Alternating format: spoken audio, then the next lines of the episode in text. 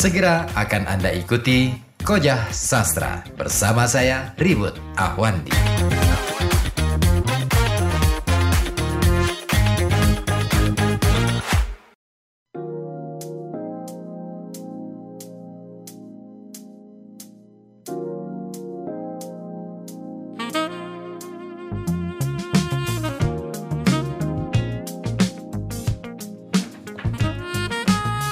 Ya, 91,2 Radio Kota Batik News Interaktif Solutif. Koja Sastra masih berlanjut untuk Anda sampai pukul 9 malam nanti. Anda bisa bergabung di 0855420912 ataupun di 424474 ya.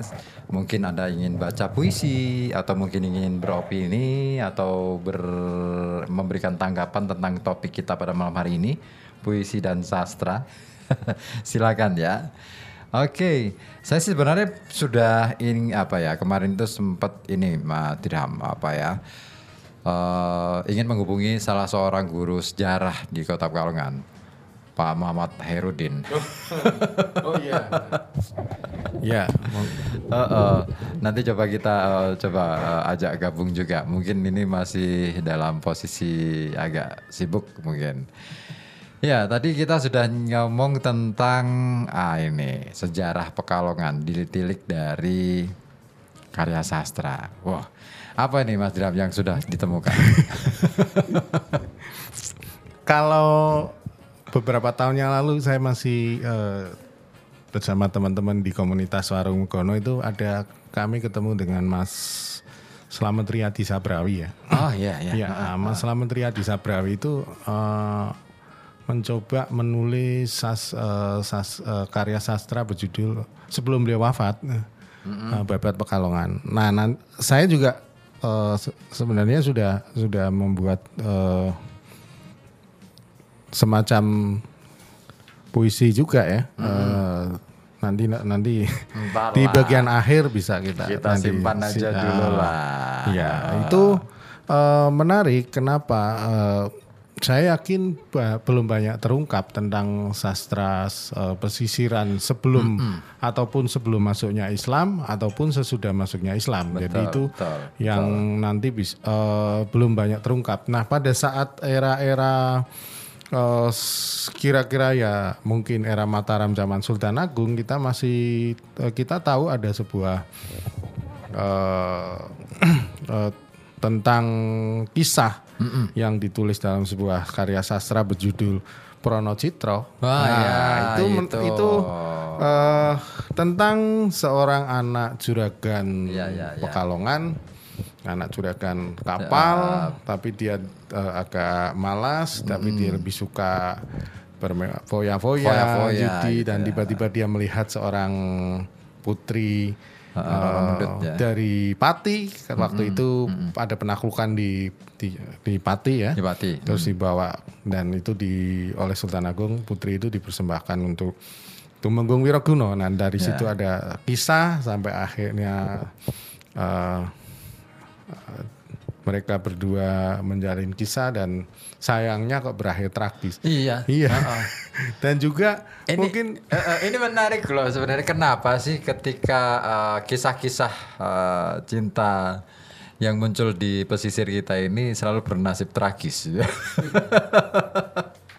Apakah memang karena nggak tahu ya, mungkin karena yang nulis adalah eh, pujangga keraton barangkali mungkin ada ada semacam sentimen begitu.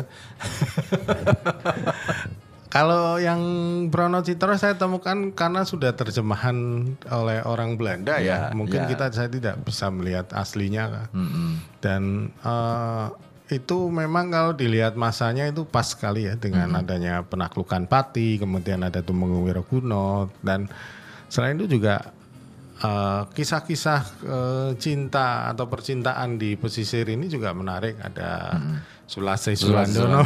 Ya. Iya, yang, yang kemudian yang diabadikan ke dalam tembang tembang untuk sintren, itu, sintren, ya. ya itu juga uh, ada satu yang menarik dari kisah-kisah di Pantura yang tentu bukan hanya sebuah uh, karya suluk ya. Tapi itu uh, kisah-kisah yang terjadi di seputar Pekalongan.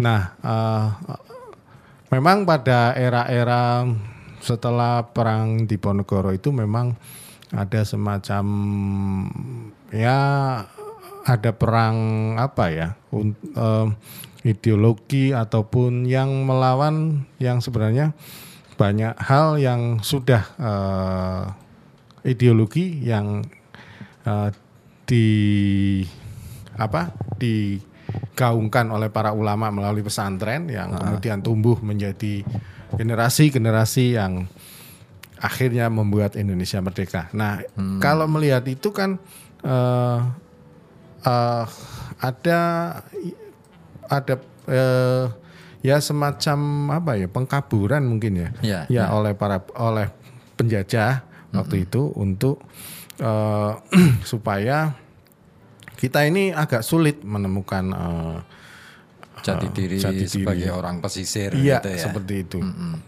Karena memang iya memang sih benar eh, pasca Gianti ini kan luar biasa efeknya ya bagi orang-orang pesisir gitu.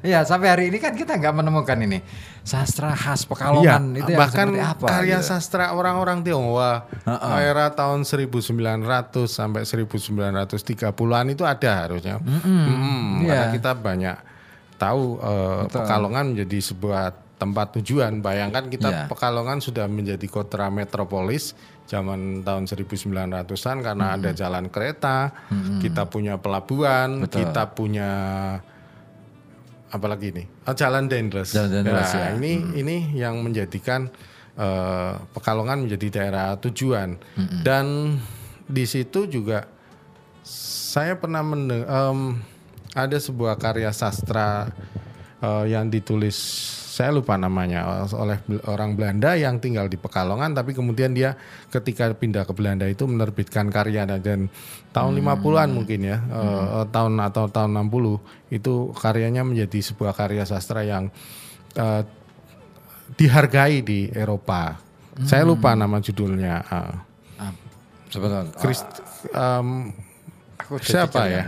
Saya lupa ada Betul, betul, perempuan itu betul, sosok betul, perempuan. betul, betul. Ah, agak lupa lupa lupa lupa ingat. Oke oke oke oke kita ke ini dulu.